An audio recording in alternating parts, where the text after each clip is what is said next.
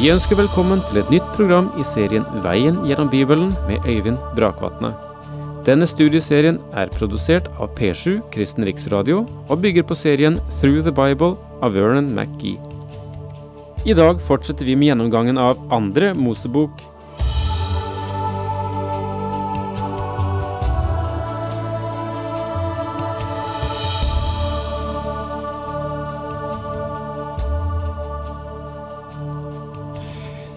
Vi stanset sist ved 2. Mosebok kapittel 7 og vers 19. Det var den første plage som, som vi da siterte om, nemlig at vann vendes til blod. Og hele Nilen og alle eh, elvedrag og alle pytter, eh, alle vannansamlinger, ble egentlig forvandlet til blod, ifølge det som Skriften forteller oss. Dette var den første plagen, men det var det andre underet som eh, ble gjort for faraos og trollmennenes øyne, idet Aron og eh, Moses tidligere hadde brukt staven slik som Herren sa, og den ble til en slange eller en krokodille. Eh, trollmennene kopierte dette og kastet sine staver, men denne staven til Moses og Aron, den slukte de øvrige stavene. Det var det første underet. Men nå er vi altså ved den første plagen som rammer hele landet. Den hellige elven Nilen forvandles med dette til blod. Egypterne fremstilte Nilen som Hapi, en fet mann med kvinnebryst, som symboliserte fruktbarhet og næring.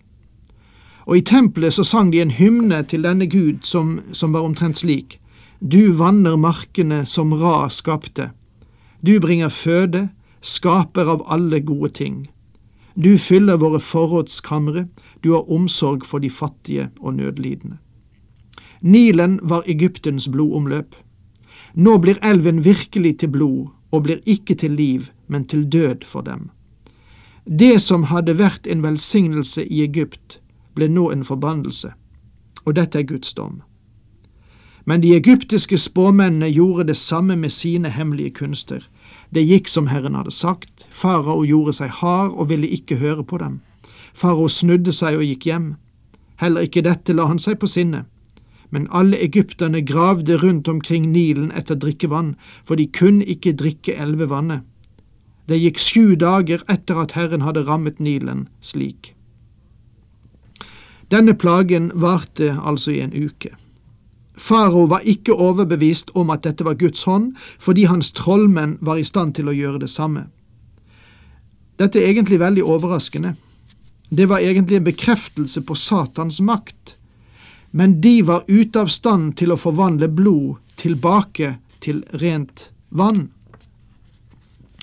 Så der er en vesentlig forskjell i denne situasjonen som de står overfor, men merk deg at det finnes makt også i denne sataniske religionen som disse trollmennene representerer. Dermed er kapittel sju ute, og vi går over til kapittel åtte. Og her fortsetter plagene.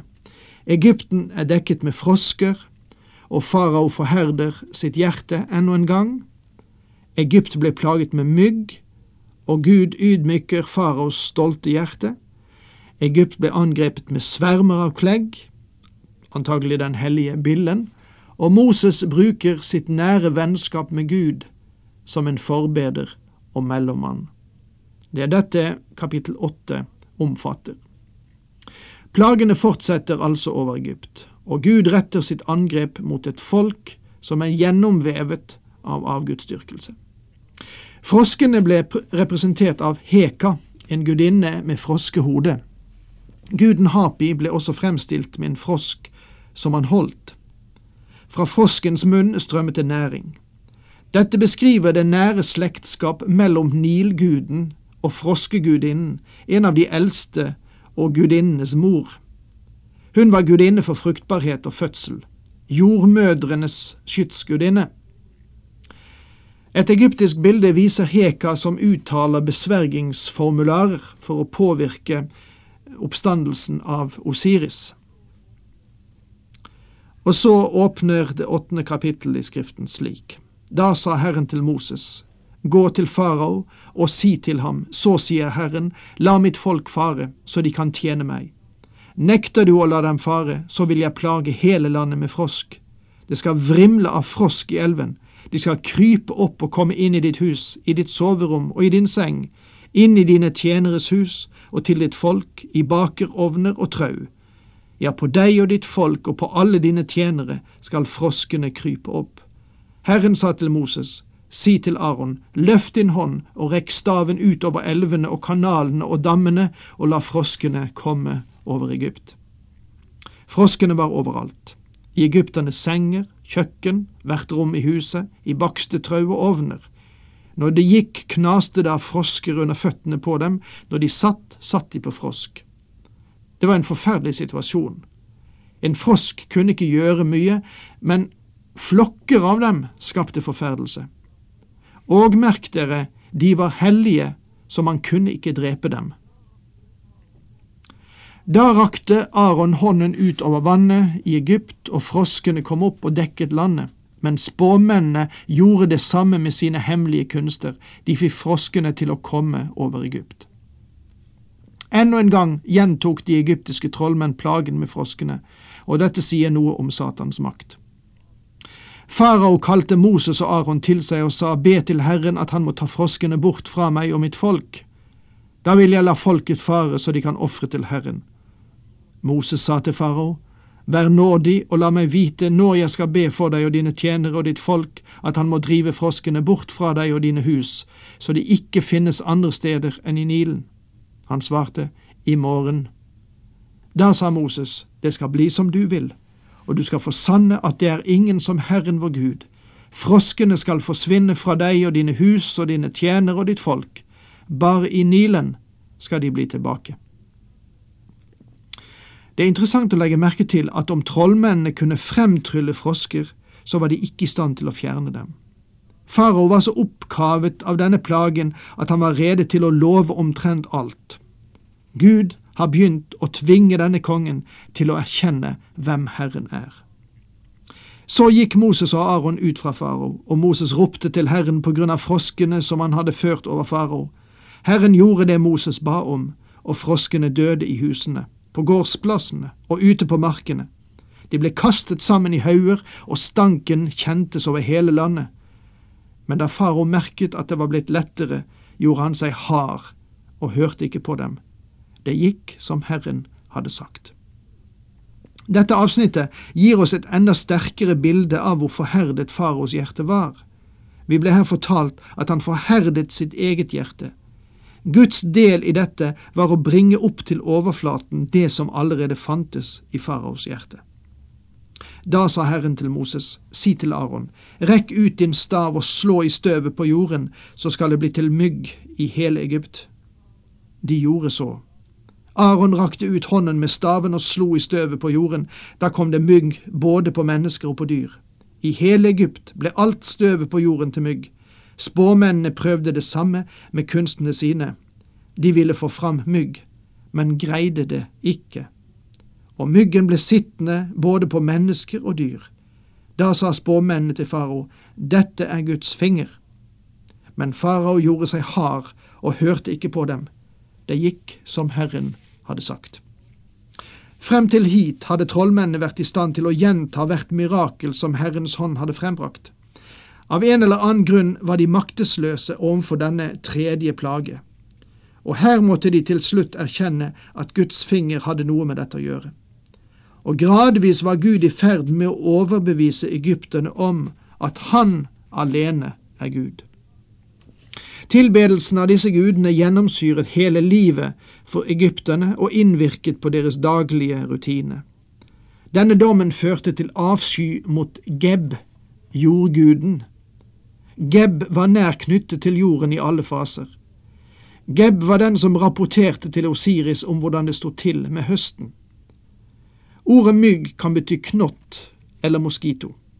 Grunnbetydningen er å dekke eller stikke eller klype og det er jo faktisk en god beskrivelse av mygg.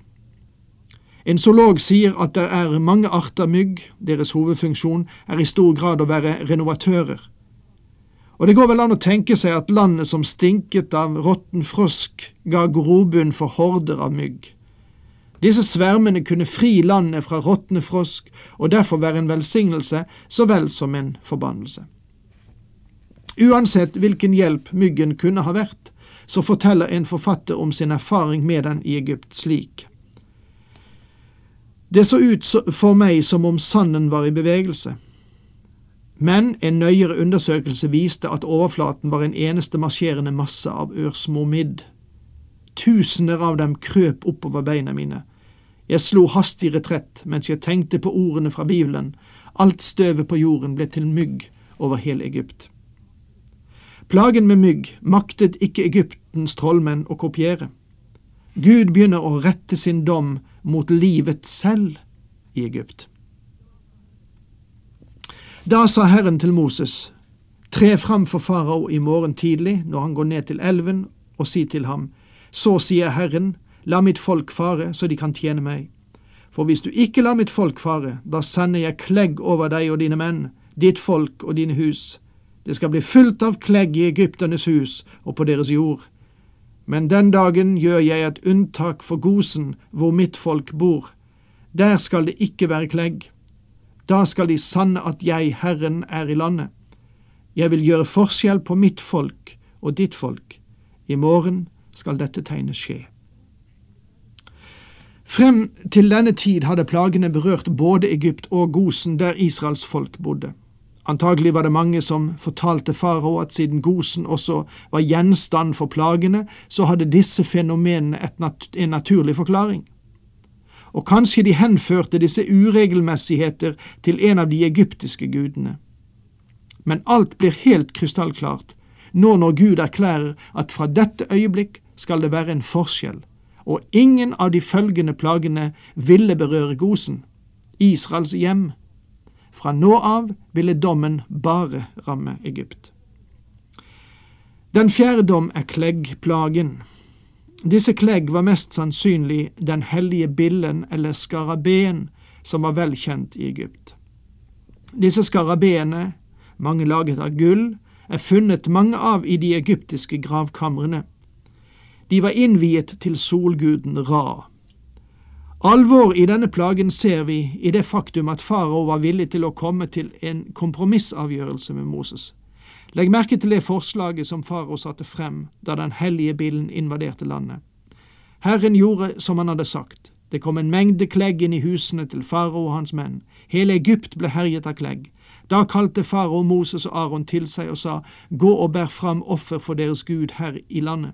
Moses svarte, Det kan vi ikke gjøre, for det som vi ofrer til Herren vår Gud, er en styggedom for egypterne.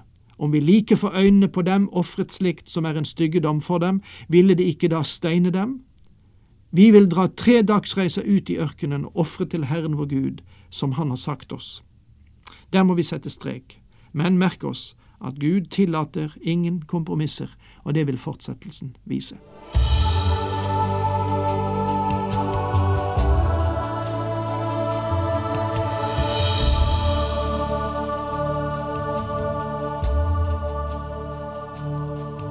Du hørte Øyvind Brakvatne i studieserien Veien gjennom Bibelen. Serien bygger på et manus av Vern McGee.